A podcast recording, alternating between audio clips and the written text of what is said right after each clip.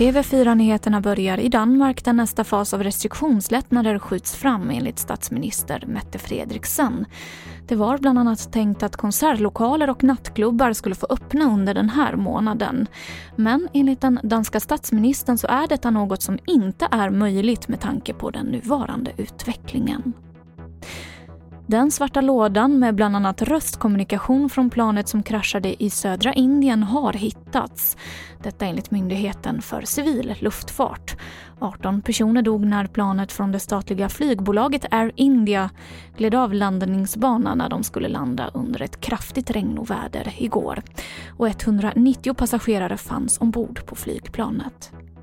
Och de personer i riskgrupp som tvingats vara hemma från jobbet sedan coronapandemin bröt ut i mars kommer att få vänta till oktober på ersättning från Försäkringskassan.